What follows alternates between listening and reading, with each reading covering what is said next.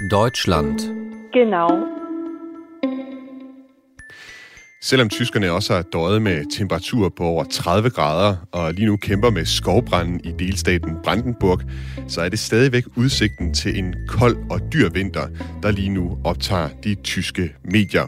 For Rusland har endnu en gang skruet ned for gashanen, og det har fået både tyske politikere og europæiske politikere til at tale om, hvad man skal stille op, hvis det bliver rigtig knapt med gassen. Du lytter til Genau på Radio 4, hvor jeg i dag har inviteret to gæster til Stamtisch, altså en rundbordssamtale, for at tale om de udfordringer, der efterhånden tårner sig op for den tyske regering, særligt på grund af den manglende gas. Vi har i dag et øh, EU-topmøde mellem energiministerne, hvor der de skal prøve at finde ud af, hvad der skal være af nødplan, og vi prøver at finde ud af, om der vil være solidaritet til Tyskland fra de andre EU-lande. Og vi skal også tale om, at øh, partiet De Grønne er vendt på en tallerken i forhold til spørgsmålet om atomkraft, og alligevel godt kan se en mulighed for, at man forlænger den tyske atomkraft. Og til sidst vil vi også runde leveringen af våben til Ukraine, for godt nok selvom at Tyskland selv er kommet med et koncept for, hvordan de kan levere våben, så er det koncept ikke vist sig at virke. Du kan som altid sms ind undervejs ved at skrive ind til nummeret 1424. Skriv gerne, hvad du hedder og hvorfra i landet du sender din sms. Mit navn er Thomas Schumann. Velkommen til. Genau. Genau. Genau. Genau. Og øh, som den trofaste lytter derude vil vide, så har jeg været på ferie de sidste tre uger. Vi har sendt en sommerserie om tysk musik. Øh, I min ferie har jeg været på rejse gennem øh, Tyskland, helt nede fra Bayern og, og så ellers op igennem Tyskland med den famøse 9 euro billet. Jeg har været ude at køre med regionaltog hele vejen. Det var rigtig fantastisk, og jeg brugte egentlig min ferie sådan, uden at tænke alt for meget på de problemer, som Tyskland ellers står med. Den samme luksus har Tysklands kansler Olaf Scholz imidlertid ikke haft. Han forsøgte i mandag sidste uge at tage på ferie i det bjergrige Allgäu i Sydtyskland med sin kone Britta Ernst. Og det blev imidlertid en kort ferie, for allerede fredag måtte han haste hjem til Berlin, fordi den tyske energikoncern Uniper var tæt på at gå konkurs. Uniper er den største tyske importør af gas og har haft økonomiske vanskeligheder siden Putins invasion af Ukraine. Og det så altså efterhånden så skidt ud, at Olaf Scholz og den tyske regering besluttede sig for at købe 30 procent af virksomheden for at holde den kørende. Om Olaf Scholz har kunne vende tilbage til sin ferie i Algøje, det har jeg ikke kunne læse mig til nogen steder, men gaskrisen bliver altså ved med at forværres. Rusland har nemlig skruet yderligere ned for den gas, Tyskland modtager, så der nu kun kommer 20 procent af den kapacitet, som Tyskland har brug for. Så det er ikke nemt at være tysk kansler og holde ferie for tiden. Mine gæster i Genau i dag er Mathias Sonne, korrespondent i Berlin for Dagbladet Information, og Lykke Friis, direktør for Tænketanken Europa. Velkommen til jer begge to. Tusind tak. Og Mathias øh, Sonne, har du haft bedre held til at holde noget sommerferie fra Tysklands problemer, end øh, den tyske kansler har her hen over de sidste tre år? Nej, det har jeg faktisk ikke endnu. Øh, Det, det var lige nogle dage, før jeg, før jeg kommer i den lykkelige tilstand, og man må sige, at der er, der er nok at skrive om øh, for tiden, og nok at tage fat i. Øh, kriserne, de, de går ikke væk af sig selv, øh, og slet ikke nu, hvor vi kan se, at gassen bliver droslet endnu mere, altså leverancerne fra, øh, fra Rusland. Så nej, ikke nu. Det kommer forhåbentlig snart. Forhåbentlig kan du også komme til at holde noget ferie inden så længe. Lykke Friis, hvad med dig? Har du kunne øh, slippe de mere dystre nyheder fra Tyskland her hen over de sidste øh, tre uger, måske få slappet lidt af? Ah, det har også været lidt svært, men jeg har dog været i England for at se noget kvinde-EM i fodbold. Okay. Det er jo noget med, at øh, tyskerne er helt vildt begejstrede med kvindefodbold på tiden. Ja, jeg er sågar nu også den lykkelige ejer af en tysk landsholdstrøje med samtlige underskrifter på, at, øh, at de tyske spillere, øh, desværre fik jeg den overragt efter, at øh, de tævede Danmark 4-0, så det var så lidt svært selv for en, øh, en halvtysker at finde den rette grimasse, der kunne passe, men det er fuldstændig rigtigt, der er fodboldfeber, ikke på samme niveau, som vi har Vingegård-feber i Danmark, men, men det er meget interessant, at, at når, når det tyske landshold spiller rigtig godt, øh, så øh, kvinderne, jamen, så får de virkelig meget medieomtale. Jeg tror også, det hænger sammen med, at der jo også har været en resultattørke, når vi ser på, på herresiden, så det er faktisk ret overraskende også, at kvinderne er kommet så langt, nemlig spiller semifinale øh, så i morgen øh, mod øh, Frankrig er det. Hvis vi kan få lov at vinde turen, så kan de få lov at vinde øh, fodbold. Og apropos øh, fodbold, så sidder der nok også nogle øh, Liverpool-fans derude, som kender den her sang rigtig godt.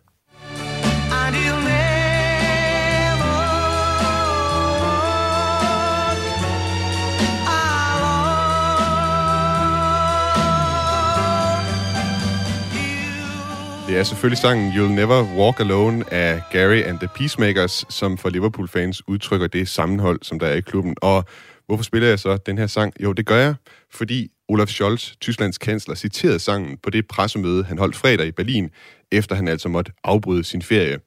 Og han fremlagde i det her pressemøde nogle af de tiltag, regeringen har lavet for at sikre, at der er strøm og varme nok i de tyske hjem til vinter, og hvorfor regeringen har valgt at købe de her 30 procent af energikoncernen Uniper.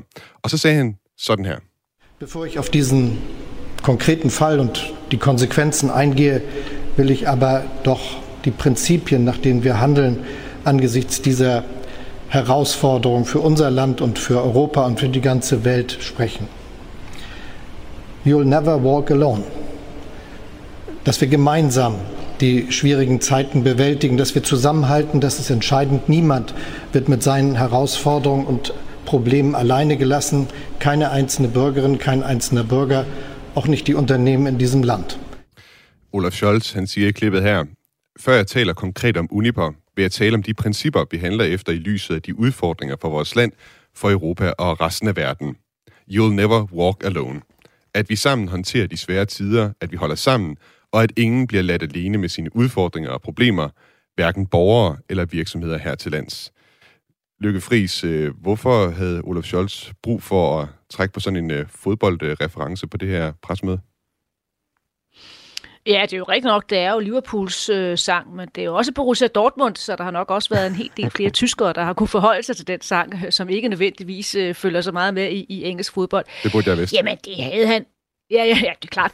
Øhm, vi kan jo også nævne, at, øh, at når vi er ved det, at Gerhard Schröder, og han har jo så været jo så æresmedlem af Borussia Dortmund, han er faktisk på ferie i Moskva, bare lige for at, lige at smide det ind som en bonusoplysning. Øh, Men for at svare på dit spørgsmål, øh, jamen så er det jo simpelthen fordi, at stemningen i Tyskland er sådan, at øh, medier som Handelsblatt, det meget anerkendte, jo, anerkendte medier, har sagt, at det er en, en, en hungervinter, man står overfor. Der er alle de historier om, at der skal spares, at der skal skrues ned for energi energien, at tysk industri mangler, mangler varme osv., og, øh, og derfor er der altså bare den her pointe, der var han nødt til at gå ud og komme med sådan en markant melding, som jo minder om den, Mario Draghi kom med i forbindelse med finanskrisen, whatever it takes, eller dengang man jo så også var bange for som, som tysker, at ens sparepenge ikke ville, ville stå på ens konto under, under hele finanskrisen, hvor Merkel og, og Steinbrück jo var ude, finansministeren også med nogle, nogle meget markante meldinger. Så er der sådan behov for at gå ud og sende et klart signal om, at man altså vil hjælpe øh, dem, der kommer i krise. Mm-hmm.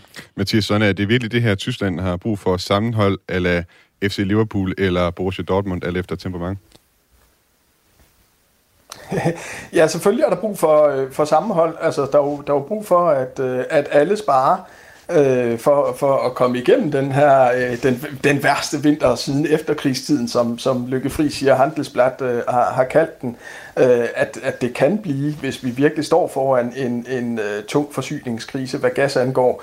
Men det interessante er jo, at, øh, at, at det jo ikke er samme situation som, øh, som øh, Mario Draghi's øh, øh Whatever øh, It Takes, eller øh, øh, Merkels og, øh, og Steinbrücks øh, løft om, at øh, øh, i, i finanskrisen, om at de øh, øh, opsparinger, som folk har, de er altså sikre, fordi vi jo kan stå foran en helt, for, øh, altså en helt praktisk, fysisk forsyningskrise, mm. hvor der simpelthen mangler gas. Øh, og, og der kan man sige, der er det jo sværere for Scholz at gå ud og, og give sådan et løfte. Øh, der skal han hele tiden balancere imellem, at opildne folk til at spare, altså også private folk til at spare på gassen, øh, så, så lægerne kan række hen over vinteren. Samtidig lave planer for øh, og, og, øh, og hele tiden også afveje, hvor meget skal øh, industrien spare, øh, hvilke, hvilke leverancer og produktionskæder må ikke gå i stykker, eller hvornår bliver det for dyrt selvfølgelig også hospitaler og øh, offentlige institutioner osv. Altså alle de her afvejninger, øh, og, og samtidig sørge for, at det ikke kommer til en situation, hvor der simpelthen ikke er gas nok. Så øh, sådan en solidaritetsbekendelse handler altså samtidig om, at vi står sammen om øh, og, og, og spare på den her knappe ressource, som hidtil jo bare, som har flyttet de sidste 50 mm. år, også under jerntæppet og så videre. Men nu står vi altså pludselig i en, i en helt ny mm. situation. Ulf Scholz nævner jo også, at det her princip, you never walk alone, det er jo også et princip, der skal gælde, ikke bare i Tyskland, men også sådan for hele Europa, at Europa skal holde sammen. Og der foregår jo lige nu et øh, møde i øh, Bruxelles mellem EU's energiministre, øh, hvor man drøfter en øh, nødplan for øh, situationen øh, med gas og Lykke Friis. Jeg ved, det er noget, du øh, følger meget nøje med i. Kan du prøve kort at beskrive, hvad det er, EU ligger op til, og om det er en nødplan, der kan hjælpe Tyskland? Ja, det man lægger op til, det er, at nu skal der simpelthen spares på, på gassen, og det er jo så 15 procent at øh, i gennemsnit, så at man skal reducere gasforbruget med på europæisk plan. Og det tyder på, at det kommer til at gå igennem. Der kommer alle mulige undtagelser, så lande får lov til så måske ikke at, at skulle overholde lige det mål, som for eksempel hedder Irland og Spanien har også været ude med riven og sige, at de er ikke koblet op på, på gasnettet. Og det interessante er, hvor meget diskussion der egentlig har været omkring Tyskland. Jeg sad lige og så presse, øh, kon, ikke konferencen, doorsteps hedder, når de enkelte ministre ankommer. Bare roligt, jeg så dem ikke alle sammen, så nørdet er dog ikke, men jeg fik dog kæmpet mig igennem en, en 6-7 stykker. Og de er jo alle sammen inde på det, inde på det her spørgsmål, fordi de får spørgsmål fra journalisterne. Jamen, hvorfor skal de egentlig holde for? Hvorfor kan man ikke bare lade tyskerne fryse i fred, for nu at sige det øh, meget direkte? Og hvor var tyskerne henne, øh, når man så på finanskrisen og kring solidaritet? Jeg synes jeg egentlig er lidt interessant, at den her diskussion bliver næsten et sted for opgør for den gamle øh, tyske håndtering af, af finanskrisen. Personligt synes jeg heller ikke, det er. Det er helt fair, jeg skal være den første til at sige, at den tyske energipolitik ikke har været synderligt vellykket, når man ser på det nu. Men altså, hvis man begynder at have den holdning, at man slet ikke skal hjælpe hinanden, jamen så er der kun en mand, der vinder, og det er Vladimir Putin. Og jeg tror at tyskerne forlanger alle de vacciner tilbage, som de var med til at udvikle under coronakrisen. Så det, det, men, det, men, men det interessante er ikke, hvad jeg mener, det interessante er, at det i den grad er blevet, et, er blevet et politisk tema under den diskussion omkring energisparepakken. Så, så du siger, at det kunne måske godt tyde på, at det kan knibe lidt med solidariteten i forhold til Tyskland fra de andre EU-lande. Er det fordi, de også øh, er ude i lige så store gasproblemer, som Tyskland står overfor? Nej, øh, altså man kan sige, den, øh, den spanske øh, statssekretær, øh, Teresa Ribera, faktisk min gamle kollega, altså hun har været ude og sige det med, jamen der var ikke nogen, der hjalp os. Øh, Spanien, det er jo også delvis rigtigt nok, altså Spanien har stået i overvis og, og sagt, at man godt vil have støtte til at få en gasledning så fra Spanien øh, til, til Frankrig. Det var der jo ikke opbakning til. Det kæmpede tyskerne heller ikke for. Og nu har de jo så i Spanien investeret massivt i LNG-gas, øh, også øh, gas fra, fra Algeriet. Og hvorfor skal de så pludselig til at spare på, på energien og, og gassen? Hvad får de ud af det? Øh, det hjælper egentlig heller ikke Tyskland, fordi der er jo ikke de her gasledninger. Så, så, så på den måde er der øh, udfordringer med hensyn til, til solidariteten. Og så har vi slet ikke nævnt Viktor Orbán. Han har jo sendt sit udenrigsminister også til Moskva, dog ikke sammen med Gerhard Schröder, men over for at købe gas. Vi har fået et øh, par sms'er fra vores øh, lyttere derude. Øh, vi har Inger fra Frederiksberg, der skriver, det er godt nok store problemer, Tyskland er ude i. Det ser ikke ud til, at der er nogen løsning på landets store problemer. Øh, Mathias Sonne, har du et øh, par bud på, øh, hvad der kunne være løsninger? Uh, Altså, øh, øh, nu, nu skal vi jo først lige definere, hvilke kriser vi taler om, fordi der er, jo, der er jo temmelig mange af dem for tiden. Men til en start, så vil jeg sige, at det her er jo ikke, det her er jo ikke bare et tysk problem. Det er vigtigt altid at understrege. Øh, altså det, det, øh, det handler jo om hele Europas øh, økonomi, der er på spil i det her. Det handler om, om produktionskæder, som rækker også meget, meget langt ind i, i den danske økonomi, øh, blandt andet. Så, så det er vigtigt til en start. Men altså i, øh, i forhold til løsningerne, så er det, øh, så er det jo åbenlyst, at øh, Tyskland selvfølgelig er tvunget til at trylle om øh, øh, solidaritet, hvis vi starter med, med energikrisen her. Øh, altså trylle om, om solidaritet i, øh, i Europa og holde fast på det, og selvfølgelig også må, øh, må være villige til at så øh, give sig på nogle andre fronter, øh, blandt andet i forhold til, øh, om de øh, øh lader deres atomkraftværker øh, køre lidt længere end planlagt, for også at imødekomme Frankrig mm. øh, i forhold til strømforsyning hen over vinteren. Øh, og Øh, I øvrigt også i forhold til hele det spil, der foregår om, øh, om euroen øh, øh, lige nu. Øh, så altså, der, der må Tyskland jo også imødekomme resten af Europa. Det bliver en, en, øh, en, mm. en stor del af, af den øh, krisetakning, tror jeg, vi vil se øh, fremover. Øh, mm. Så er der sådan noget som altså, øh, forholdet til Kina for eksempel, som jo også øh, er, som er trængt lidt i baggrunden for tiden, men som jo også står ekstremt højt øh, på, på den tyske, hvad kan man sige, øh, krisemanagementliste lige nu. Øh, så altså, der er, jo, der er jo utrolig mange ting øh, øh, op i luften øh, i, i de her måneder, og, øh, og der tegner alting til, at Tyskland igen igen bruger det øh, af både altså mestendels af nød som mm. en øh, mulighed til stærkere europæisk integration, mm. til større europæisk øh, solidaritet. Mathias, øh, vi har lige en øh, uh, sms mere, som jeg også gerne vil sende i din retning. Uh, det er Claus fra Rødovre, der skriver, der er jo ingen tvivl om, at det er Angela Merkel og hendes naivitet, der er skyld i den tyske gaskrise, skriver Claus. Altså, det er jo noget, vi har været inde omkring også her. Uh, Angela Merkels uh, ansvar, kan man sige, uh, for det, eller, hvad skal man sige, det, der skete under hendes uh, 16 år som uh, kansler. Kan man sige, at det, det er så enkelt, at det er Angela Merkel og hendes naivitet, der er skyld i krisen?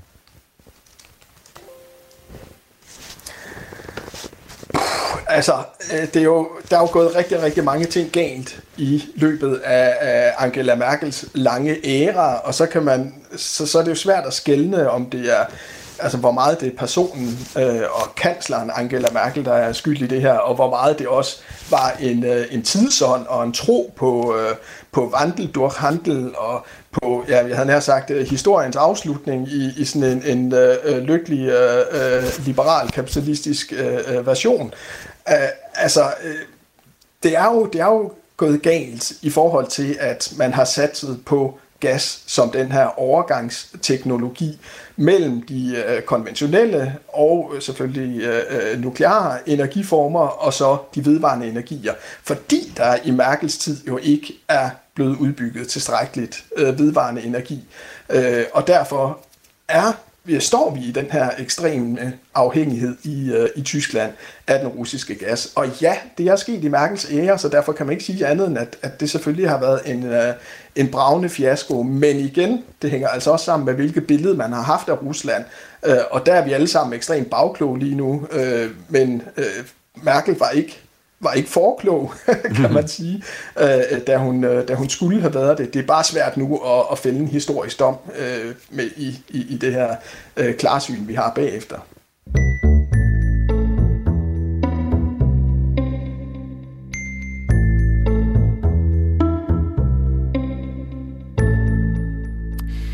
Som jeg nævnte tidligere, har Rusland, eller mere konkret øh, energikoncernen Gazprom, øh, de har skruet ned for, hvor meget gas, der flyder gennem gasrørledningerne til Tyskland, så der nu altså kun kommer 20 procent af den kapacitet, som Tyskland har brug for.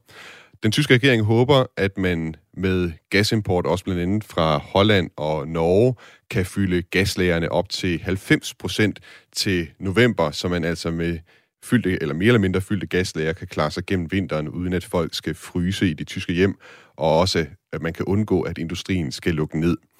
Det kræver så, at man sparer på gassen nu og her, også sådan som vi talte om tidligere i, på EU-niveau, at man er ved at tale om at skulle spare på gassen. Det er så også noget, som øh, den enkelte tysker øh, skal tage stilling til, og i går der blev den tyske erhvervs- og klimaminister Robert Habeck fra De Grønne interviewet i takkestimen på tv-kanalen Das Erste, og her der sagde han blandt andet sådan her. Die Zeit, wo man einfach sagt, naja, die Energiefrage die interessiert mich nicht, die sollte vorbei sein. Das denke ich, ist aber auch breit in der Bevölkerung angekommen. Ich sehe ja, wir sehen ja, welche Resonanz es gibt auf, auf Appelle oder Aufrufe, sich an Einsparaktionen zu beteiligen. Han sagde altså i klippet her, tiden, hvor man bare kan sige, at man ikke går op i energispørgsmålet, den tid skulle være forbi. Det tror jeg også er trængt ind bredt i befolkningen. Vi har set, hvilken klangbund der har været med appeller om at deltage i spareaktioner.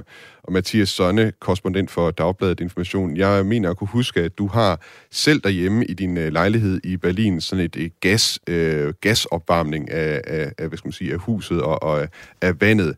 Øh, ved den almindelige tysker, øh, eller ved du måske også, hvad man egentlig forventer, hvad der forventes af en, at man skal stille op? Hvad er din fornemmelse af det?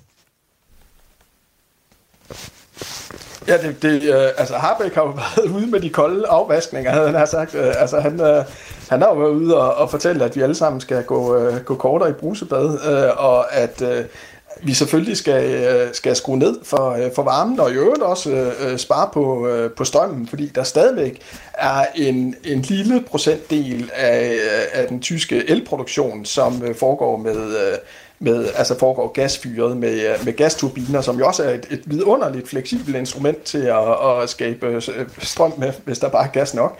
Øh, så det forventes simpelthen, at, at vi alle sammen sparer, og, og jeg har lige kigget på tallene, altså ud af de cirka 40 millioner husstande, der er øh, i Tyskland, der er det omkring halvdelen, som opvarmes med gas. Mm. Øh, og det vil sige, at der er 14 millioner gasbrændere, der sidder alene rundt i Tyskland. Og der skal man jo i øvrigt huske, at, at Italien og Ungarn og øh, alle mulige andre lande, de har faktisk øh, øh, lige så høje eller endnu højere tal. Øh, så øh, det handler simpelthen om, at alle os 14 millioner tyskere, han har sagt, øh, eller det er jo så mange flere, men alle de husholdninger, øh, som, som, øh, som har et gasfyr, øh, skal spare mindst de her 15 til, øh, til 20 procent. Øh, og det vil sige, at det bliver altså en, det bliver en kold vinter også. Mm. Også for mit vedkommende. Jeg skal ud og investere i, i tykke sokker, og måske altså, jeg bede min mor om at strikke et par svætter mere. Der kan være noget til julegave-idéerne der i hvert fald, øh, som kan komme øh, kærkommen, hvis der er nogen, der er gode til at strikke øh, sokker og sweater osv. Øh, jeg kan sige, jeg læste mig til, at Industriforeningen IHK Berlin, de har opfordret byens senat til, at man lukker for alle offentlige swimmingpools og svømmehaller for at spare på gassen. IHK Berlins direktør Jan Eder, han har sagt til radiostationen RB, RBB Inforadio, at egentlig skulle, man skulle, egentlig skulle lukke svømmehallerne og sige til folk, nu må I hoppe i søen for at spare på gassen. IHK øh, vurderer, at ca. 50.000 arbejdspladser i Berlin er afhængige af, at der er nok gas, og det er altså det, som gør, at han siger, at øh, folk de måske i stedet for skulle øh, hoppe i søen, så man kan spare på gassen her. Lykke Friis, har du noget indtryk af, hvordan øh, de tyske borgere de øh, forbereder sig på, at det kan blive knap med gassen til vinter? Jamen, det er jo, man, tyskerne køber alt, hvad de overhovedet kan få, få fingrene i. Altså tag for eksempel brænde, det er jo blevet, blevet et helt stort øh, hit. Jeg har også noteret mig, at øh, der er også på det her punkt er nogen, som tænker, der er måske lidt forretning i det her. Det er jo Grækenland, hvor den øh, græske turistminister var ude sidste uge og sige, jamen altså kom der bare til Grækenland, her er billig varme, der er jo heller ikke særlig koldt, øh, og ingen tysker kommer til at fryse hos os.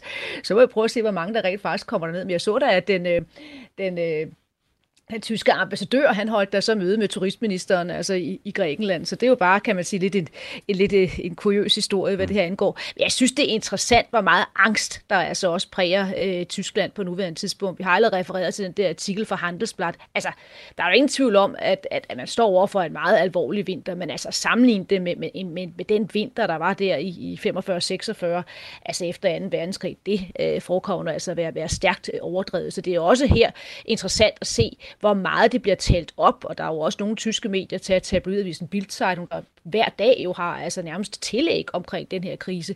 Og man kunne godt forestille sig, at det så på en eller anden tidspunkt så også sætter sig i diskussionen om, hvordan skal Tyskland så agere fremadrettet over for, for Rusland? Altså mm. skal man stadig være så hård i filten, hvad angår øh, sanktioner? Øh, hvad med hele diskussionen om, at man skal have en eller anden form for, for pres for, at der skal være en fredsaftale? Det har vi jo allerede haft tyske øh, politikere, der har været ude at sige. Jeg mener om Markus Söder, ministerpræsident i Bayern, men også Michael Kretschmer, der jo så er ministerpræsidenten i Dresden, der sagde for nylig, at man skal egenfriere den her konflikt. Det må være en anden med, at man skal fryse den konflikt, vi, eller krig, krig, vi har nu fast, for på den måde så komme over en anden form for, for fredsforhandlinger. Mm. Det er jo også en diskussion, der kører i Italien. Mm. Så det er jo på det europæiske plan det afgørende, det er, sætter den her bekymring så for, hvor meget vi selv er villige til så at blive ramt af, af krigen, i så krav om, at nu skal vi altså finde en anden form for, for, for løsning øh, på den her krig, mm. som selvfølgelig kun er Ukraine, der kan, der kan, der kan være den udfarende kraft her, men der kan jo godt komme pres fra de vesteuropæiske lande. Mm. Og det, som du siger, hvis man kigger på de tyske medier, det er også noget, det jeg selv hæfter mig ved, så kan det se meget dystert ud en gang imellem. Øh, I det interview, som Robert Habeck, øh, altså den tyske erhvervs- og klimaminister, han øh, deltog i, i Takkestemen, der var det også en alvorlig mine, han havde anlagt, men han sagde til gengæld også, han kom også med et citat her, som jeg synes måske kan vække en smule håb, og som jeg gerne lige vil spille for jer her. Ja, Putin hat das Gas, aber wir haben die Kraft. Ja, Putin har gassen, men vi har kraften, siger, øh, eller sagde altså Robert Habeck, altså kraften til at kunne klare sig igennem. Således øh, kom vi omkring øh, de fleste af gasproblemerne i Tyskland her ved dagens stamtisch i Genau på Radio 4. Vi bliver i energihjørnet for manglen på gas. Det giver også øh, politikerne anledning til at se på alternativer, nemlig den tyske atomkraft. Partierne i den tyske regering, de er så presset, at partiet De Grønne, som ellers kategorisk er afvist at forlænge atomkraft, nu er begyndt at åbne en kattelem for, at man måske faktisk kan forlænge tysk atomkraft. Det vender vi efter et nyhedsoverblik her på Radio 4.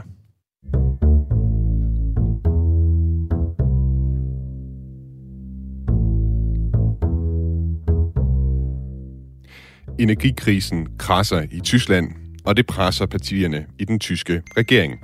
I lang tid har partiet De Grønne kategorisk afvist, at man kan forlænge tysk atomkraft for at kompensere for den manglende gas fra Rusland. Men nu hører man imidlertid andre toner fra De Grønne. Du lytter til Genau på Radio 4. Mit navn er Thomas Schumann, og mine gæster i dagens stamtisch her på Genau er Mathias Sonne, korrespondent i Berlin for Dagbladet Information, og Lykke Friis, direktør for Tænketanken Europa. Du kan som altid sms ind på nummeret 1424. Skriv gerne ind med dine spørgsmål og kommentarer, og skriv også gerne, hvad du hedder og hvorfra i landet du sender din sms. Og øh, Mathias og Lykke, vi har faktisk fået et par sms'er her fra vores øh, lyttere derude. Vi har en øh, kommentar her fra vores lytter Erik, der skriver, Løsningen kunne være, at EU stoppede med at sende våben til Zelensky, og dermed tvang ham til forhandlingsbordet i stedet. Øh, Lykke Friis, øh, man har også nogle gange hørt øh, folk i øh, stemmer i Tyskland tale om, at man altså skulle sørge for at presse mere på, at der kunne komme forhandlinger for ligesom at få ind krigen øh, hurtigere. Øh, hvorimod der ligesom også er andre, som siger, at nu skal man gøre alt for ligesom at hjælpe Ukraine så meget som muligt.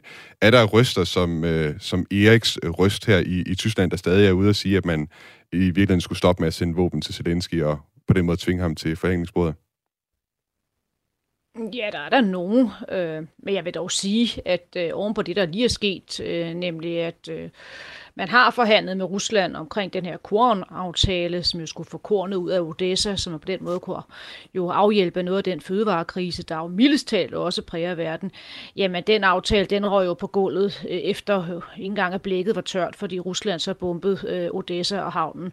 Så på den måde, så er der altså ikke sådan synlig meget strøm på, på ønsket om, at det er det, der skulle være løsningen lige pt. Mm. Vi har også uh, fået et spørgsmål her fra Hans Jultved fra Hillerød, som nærmest er skræddersyet til dig, Lykke, nu du selv var inde på Gerhard Schröders øh, ferie i Moskva. Uh, Hans han spørger nemlig, hvordan ser det ud for der Lieber Gerhard Schröder, som vist nok sidder i en bestyrelse for Gazprom. Hvad ved vi egentlig om Gerhard Schröder, udover at han holder sin ferie i Moskva?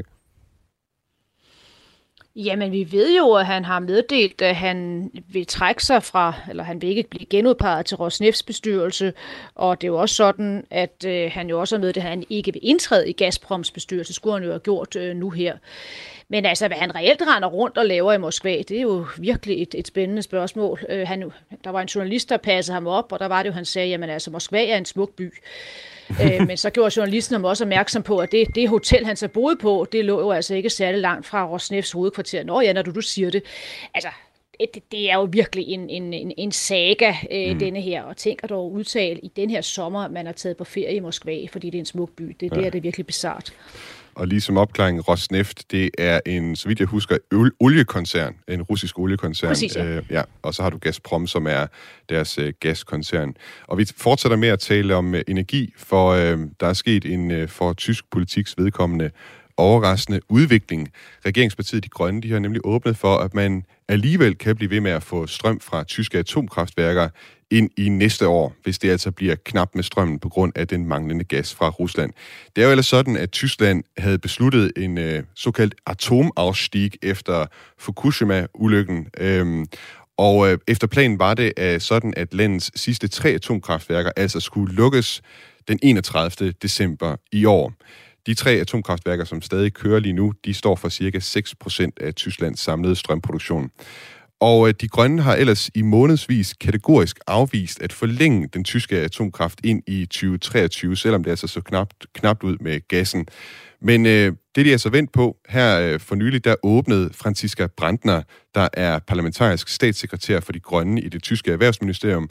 Hun åbnede en kattelem for, at atomkraften altså kan fortsætte ind i det nye år. Wir werden bei dem jetzt ja stattfindenden Stresstest auch natürlich berücksichtigen, in welcher schwierigen Lage Frankreich gerade ist, weil eben noch sehr, sehr viele Atomkraftwerke nicht laufen. Das werden wir bei uns mit einbeziehen, damit wir im Zweifel auch solidarisch sein können. Ja, hun sagde altså her til Tagesschau på den tyske tv-kanal Das Erste, det sagde hun søndag, sagde hun sådan her. Vi vil med den aktuelle stresstest af de tyske atomkraftværker også se på, i hvilken svær situation Frankrig står i, hvor mange atomkraftværker ikke er i drift. Det vil vi holde øje med, så vi også kan være solidariske. Mathias Sonne, øh, hvad er det med Frankrig, der ser ud til at ligesom skabe en, altså give en mulighed for, at de grønne kan åbne den her kattelem for, for atomkraft? Hvad er det for en situation, der, der, der, der, der er i Frankrig lige for tiden? Jamen, Frankrig sidder med det problem, at, øh, at en lang række, hvis jeg ikke husker forkert, så er det, er det 27 øh, atomkraftværker, som lige nu enten ikke kører, eller kører øh, på, øh, på lavblus, øh, især fordi der er, altså både fordi, at det, nogle af dem er forældet og, og skal renoveres, øh, men også især fordi der er, øh, der simpelthen er for varmt, øh, så, øh, så deres kølevandssystemer enten ikke fungerer, eller det er problematisk at udlede øh, store mængder af meget varmt øh, øh, kølevand fra, øh, fra de her atomkraftværker. Øh, og der er man selvfølgelig bange for øh, fra Frankrigs side og øh, øh, både på hjemmebane, men også i forhold til øh, eksport af el, øh, simpelthen at, at have, have power nok i, øh, i systemet. Øh, og derfor er det selvfølgelig vigtigt, at, øh, at Tyskland er, øh, øh, er selvforsynende. Er Tyskland jo ikke med strøm for tiden. Tyskland netto importerer stadigvæk øh, øh, el, men at man øh, i hvert fald ikke øh, hvad kan man sige, skærper krisen øh, på, øh, på, øh, el, på, altså på elfronten på, øh, på europæisk plan. Så derfor øh, er man selvfølgelig, og det, og det vil jo også være øh, altså ideologisk og forstokket og hjernedødt på alle måder dum, øh, ikke at øh, bruge de muligheder, der er, og det inkluderer selvfølgelig øh, også atomstrøm øh, og, og forlængelse af de her sidste tre øh, øh, resterende kraftværker, der er, altså tyske atomkraftværker, der er på, øh, på nettet. Men øh, nu skal vi også passe på ikke at, at tale det for meget op, fordi det betyder jo ikke, at der er en, en, en, øh, afstig, afstem, afstig, afstem, afstig osv. altså det betyder ikke, at der kommer en ny øh, vending i den tyske øh, atompolitik igen igen. Det betyder simpelthen kun, at, øh, at de her kraftværker, de vil blive ja, strakt, øh, altså øh, ydelsen vil blive strakt over nogle flere måneder for at komme igennem øh, vintermånederne og sørge for, at der er øh, at der er tilstrækkeligt med øh, ja, power i, øh, øh, i elnettet øh, i, i de måneder. Vi kommer også mere konkret ind på, hvad det sådan helt konkret betyder i forhold til brændselstave og så videre, øh, hvad det vil sige, det her med at forlænge de her atomkraftværker. Men øh, først, øh, Lykke Friis, jeg lader mærke til, på øh, Twitter, der har du også taget et øh, screenshot af hende her, øh, Franziska øh, Brandner, og hendes øh, udtalelse på tyske øh, tv. Og så har du øh, også øh, kaldt det et øh, Zeitenwende med udråbstegn. Øh, hvorfor gjorde du det? Jamen, det er jo fordi, selvom jeg er jo helt enig med Mathias siger, det er jo ikke øh, sådan, at Tyskland kaster sig ud i atomkraft igen, men det er jo alligevel for de grønne, må det jo være en sejtenvente, at de jo så er, gøre noget, som de jo virkelig havde sagt, de aldrig nogensinde ville gøre, nemlig så alligevel åbenbart at acceptere, at øh, atomkraftværkerne kommer til at løbe lidt længere. Nu ved vi jo så ikke, øh, om de bliver enige om det, men meget kunne jo godt tyde på det. Jeg synes også, at hendes argumentation er jo også øh, næsten en giveaway, fordi hun vil jo slet ikke tale om, om atomkraft, men hun taler jo om, om solidaritet over for Frankrig, og det, det er jo virkelig en, en, en smart måde at pakke det ind på, så at sige. Det er jo også interessant at se, hvor meget man i den her debat taler om Bayern. Øh, Bayern er en særlig situation. Hvorfor er de det? Øh, der, der har man jo et af atomkraftværkerne, men deres særlige situation, den skyldes jo, mener man så de grønne, at de ikke har, har udbygget den grønne energi. Så kan man ligesom også forsvare, at man bliver nødt til så at forlænge de tyske atomkraftværker måske frem til sommeren, fordi at man ikke har investeret nok i grøn energi. Det er jo, det er jo en klassisk måde, kan man sige, at, at pakke sin, sin politik øh, ind på. Men jeg vil nu også blive meget overrasket, hvis det lander med, at de så bliver enige om, at de rent faktisk skal, skal købe nye brændselstave. Det har jeg i hvert fald ikke set, at nogen har været inde på endnu, altså internt i, øh, i de grønne eller hos SPD. Og det her Zeitenwende, altså et øh, vendepunkt, det var der sådan... Øh blev ligesom gentaget i uh, talkshowet Anne Ville uh, på tv-kanalen Deres Ærste søndag, da en anden politiker fra De Grønne også åbnede muligheden for, at man altså kan forlænge atomkraft. Og det var netop også i diskussionen om uh, situationen i Bayern, at hun uh, sagde det. Det var altså vicepræsidenten for forbundsdagen, Katrin Göring Eckardt, der blandt andet i udsendelsen sagde, hvis det ender med, at vi virkelig står med en nødsituation, så at sygehusene ikke kan arbejde mere, hvis sådan en nødsituation opstår, så må vi tale om, hvad der skal ske med brændselstavene i atomkraftværkerne. Og nu skal vi kigge på, hvad det sådan helt konkret betyder, hvad det er, man er inde på her. Fordi på tysk, øh, og det som hun blev spurgt om i udsendelsen her, det er, hvorvidt hun vil gå ind for det, man kalder, på tysk kalder et strikbetrieb. Altså, at man strækker driften. Og det kræver nok, at man lige holder tungen lige i munden, så jeg går meget langsomt igennem, hvad, hvad det handler om her. Altså, atomkraftværker, de laver strøm ved hjælp af såkaldte brændselstave. Og fordi Tyskland har planlagt, planlagt at afvikle sin atomkraft ved årets udgang, så har brændselstavene i de resterende kraftværker altså en levetid, som løber ud øh, på samme tid, som man havde regnet med at lukke for atomkraftværkerne, altså 31. december i år. Men hvis man vil, så kan man åbenbart godt fortsætte med at bruge de her brændselstave, selvom deres normerede levetid er udløbet. Men man kan så ikke få lige så meget strøm ud af dem, hvis man fortsætter med at bruge dem. I går der ringede jeg til Hans Otto Uldal Fynbo, der er professor i eksperimentel kernefysik på Aarhus Universitet, for at få en nærmere forklaring på, hvordan man kan blive ved med at bruge brændselsstavene i reaktorerne. Det er sådan, at når de der brændselstave, de er inde i reaktoren, så, så, så øh, det, det, det, som giver energi, det er jo, øh, at man fissionerer, altså spalter nogle atomkerner, der er i de der brændselstave. Og, og jo længere de er i, øh, i brug, jo, jo flere af dem bliver jo så spaltet, og når de er spaltet, så kan de ikke blive brugt igen. Uh, så så uh, det, det er derfor, man skal, man skal udskifte dem en gang imellem, de der brændselsstave, ikke? Mm. Uh, putte put nye i. Og, uh, og så, så, så kan man så spørge, hvorfor tager man dem så ud, uh, når der stadigvæk er noget i? Uh, Øh, altså man kan sige, altså, hvorfor kan de overhovedet øh, blive øh, strikt, eller hvad de nu kalder det på tysk. Mm. Ikke? Det, det, er jo, det er jo så fordi, at den, når man normalt kører sådan nogle reaktorer der, så, så vil man helst have, at de kører med så høj kapacitet som, som muligt hele tiden, og så har man så vurderet det mere økonomisk.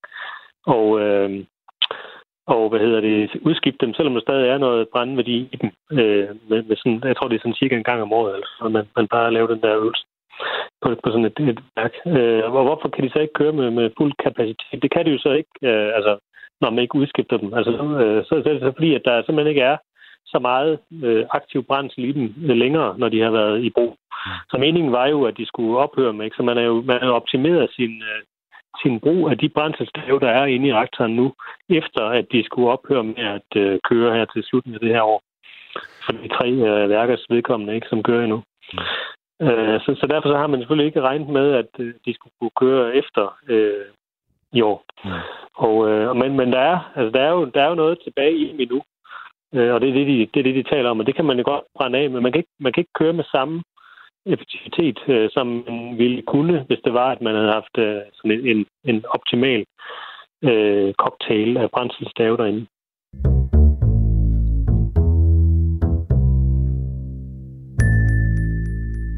Ja, det var altså Hans Otto Uldal Fynbo, der er professor i eksperimentel kernefysik på Aarhus Universitet, som jeg talte med i går. Han sagde også til mig under interviewet, at øh, der som sådan ikke er nogen risici forbundet med at fortsætte med at bruge brændselsstævne ud over deres normerede levetid. Den største udfordring, som han ser det for Tyskland, det er, at man er altså ved at man fortsætter med at bruge sine atomkraftværker, det er, at mange af dem, som arbejder på værkerne, egentlig har været indstillet på at skulle finde noget andet arbejde, så man skal altså sørge for, at der stadig er en arbejdsstyrke, der kan bedrive de her atomkraftværker. Jeg læste også i tyske medier blandt andet, at kernefysiker Clemens Walter fra Leibniz Universitetet i Hannover, han har sagt, at brændselstævne kan bruges frem til sommeren 2023, men at kraftværkerne så altså skal køre ved 80% ydeevne i stedet for 100%. Og så er der hele spørgsmålet om, hvorvidt man øh, måske skulle købe nye brændselstave ind, og der siger kraftværkoperatørerne, altså dem, der driver de her atomkraftværker, de siger til det tyske medie ARD, at det kan tage mellem 12 og 24 måneder at skaffe nye brændselstave, da de altså skal skræddersyes til hver enkelt reaktor. Mathias Sønne, øh, nu åbner de grønne altså for, at man i nødtil, nødstilfælde kan lave det her såkaldte strikbetrieb. Men øh, de grønne har jo ellers kategorisk afvist at forlænge atomkraft. Den her modstand, de har haft mod atomkraft, er den alene været ideologisk motiveret? altså, det er jo en, en debat, der går øh, er 40 år, øh, over 40 år tilbage. Altså helt tilbage til, til de grønnes øh, grundlæggelse har det jo... Øh, har, er, de jo, er de jo blandt andet født ud af anti-atomkraftbevægelsen. Øh, så på den ene side, ja, har det været øh, ideologisk et meget stærkt anlæggende øh, for de grønne hele tiden, og, og som Lykke Fri siger, så er det her jo selvfølgelig, må de øh, brække og bøje sig selv for at indgå bare den her, det her lille bitte øh, øh kompromis. Øh, på den anden side må man også sige, at, der, at, at, at de rammer en, øh, en, eller har ramt en tidsånd i, øh, i, i Tyskland siden 80'erne, øh, øh, hvor der har været stærk modstand mod, øh, mod atomkraft, selvom øh, over 6 ud af 10 øh, tyskere nu er for øh, den her øh, korttidsforlængelse, så er der jo en grundlæggende skepsis i, øh, i Tyskland mod atomkraften, og et fuldstændig grundlæggende problem i forhold til, øh, til lagring af atomaffald øh, i Tyskland.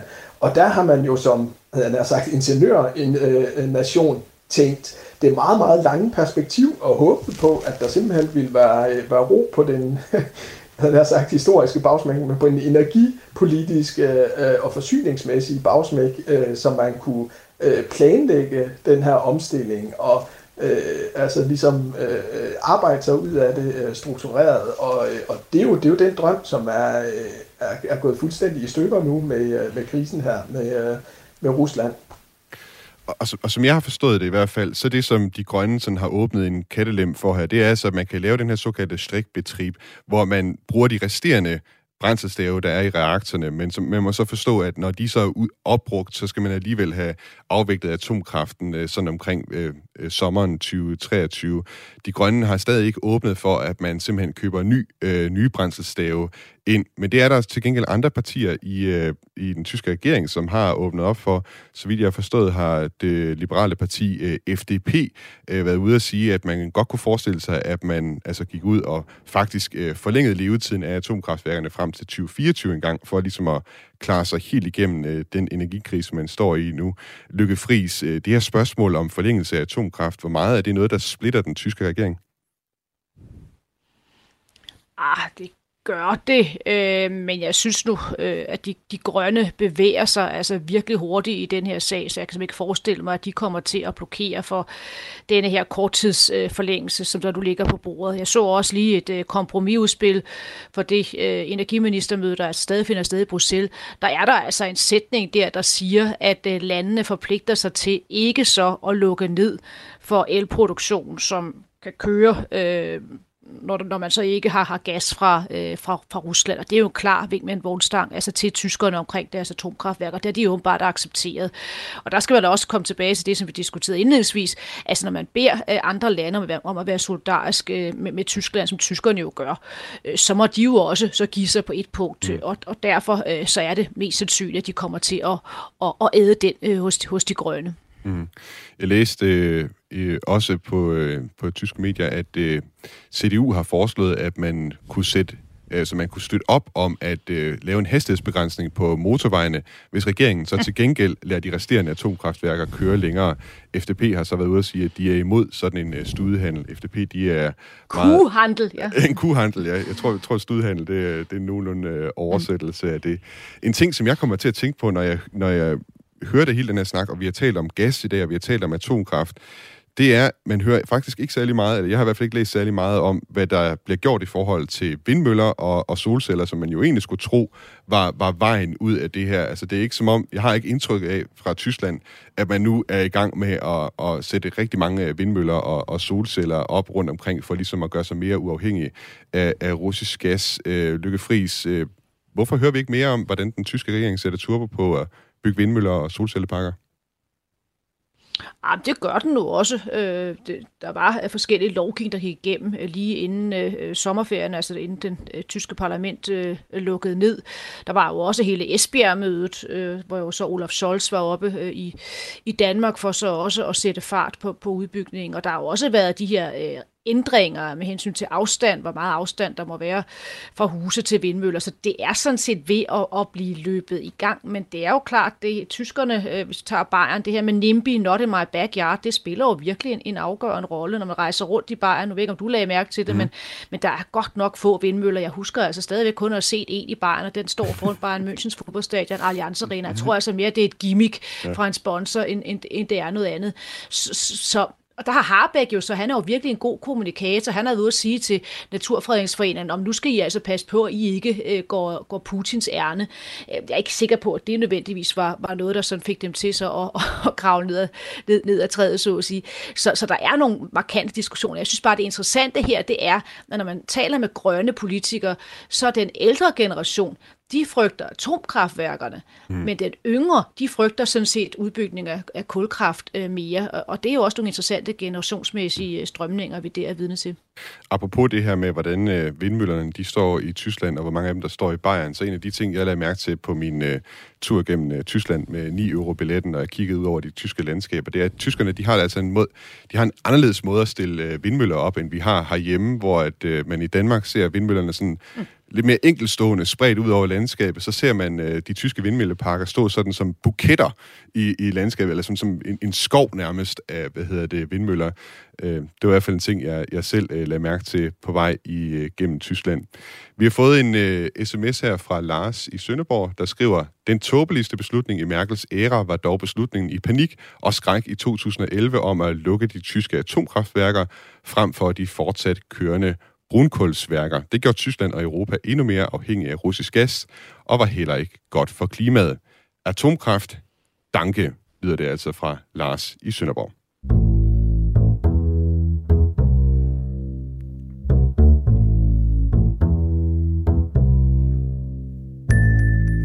Vi skal runde en øh, sidste udfordring for Tyskland, som så ikke har noget at gøre med energi, men alligevel er forbundet til krigen i Ukraine og en sag, som længe har martret Tyskland, nemlig våbenleveringer til Ukraine.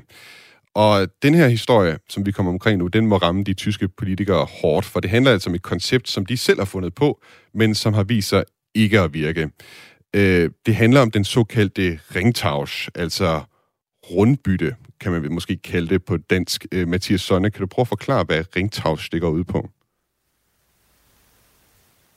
Ja, altså helt overordnet, så går det ud på, at øh, en række øh, især østeuropæiske og sydeuropæiske lande, øh, de leverer øh, øh tunge våben og øh, panservogne også af, af ældre øh, dato, altså typisk også for, øh, for øh, Polens og øh, Slovakiets vedkommende for eksempel, øh, om altså sovjetiske panser, øh, og det er jo lidt paradoxalt i forhold til øh, ja, til den krig, vi står i øh, fra, fra russisk side, men altså sovjetiske panser, blandt andet typen T-72, som så bliver leveret fra deres våbenlager til øh, Ukraine, og til gengæld øh, er tanken så, at Tyskland skulle være med til at øh, fylde deres lager op, så at sige, øh, med, med mere moderne øh, tysk grej. Og det... Øh, Ja, der må man sige, at der har været nogle afstemningsproblemer øh, i forhold til forventningerne til, hvor hurtigt øh, og hvor meget øh, øh, Tyskland kan levere. Det er, det er meget der, debatten ligger lige nu. Mm.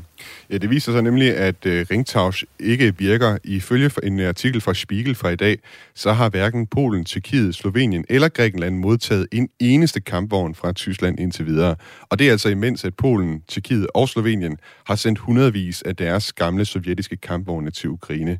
Det er tre måneder siden, at forbundsdagen besluttede at assistere Ukraine med tunge våben.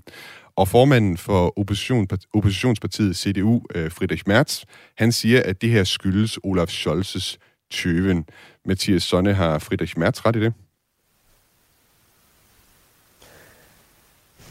Ja og nej. Øh, altså, øh, hvis man ser på de, øh, på de polske forventninger for eksempel, øh, og, og der, der vil jeg, jeg gøre lidt reklame for et øh, meget interessant interview med øh, Strach Timmermann, som øh, øh, øh er, hvad hedder det, øh, hun er FDP's øh, våbenekspert, og hun er, øh, hun er formand for øh, forsvarsudvalget i forbundsdagen. Altså virkelig en, en vigtig kvinde øh, i selvsamme spiegel, hvor hun, øh, hvor hun udlægger, øh, hvordan forventningerne simpelthen også har været overdrevne fra, øh, fra Polens side til, hvor hurtigt øh, man kan levere noget. Fordi øh, øh selvfølgelig kan... Øh, kan Tyskland ikke lige rive 50 Leopard 2 øh, øh, panser ud af deres øh, våbenlager og, øh, og sende det til Polen med det samme. Og der virker det til, at det, der foregår på politisk niveau, og det, der foregår på, hvad kan man sige, offentligt journalistisk niveau, der er ikke rigtig, øh, altså det er to forskellige virkeligheder, øh, mm. som, som der er blevet øh, forhandlet i og skabt forhåbninger i.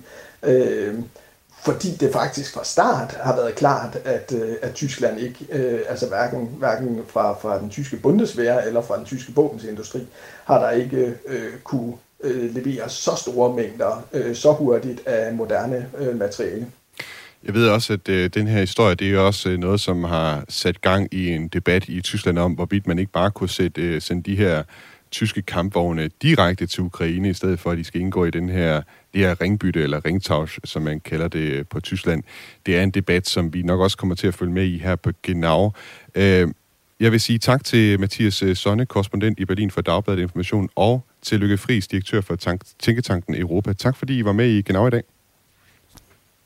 En fornøjelse. Selv tak.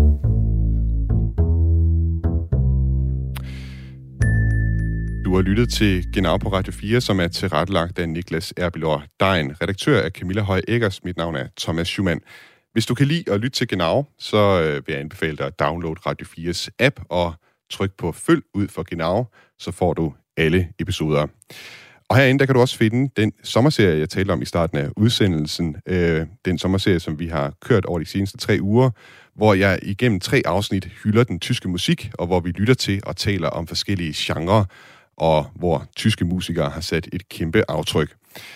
Du kan også, øh, jeg vil også opfordre dig til at anbefale Genau til en ven, hvis du har en ven derude, der er særlig glad for Tyskland. Du kan som altid skrive til mig på genau radio4.dk. Tak fordi du lyttede med. Auf Wiederhören.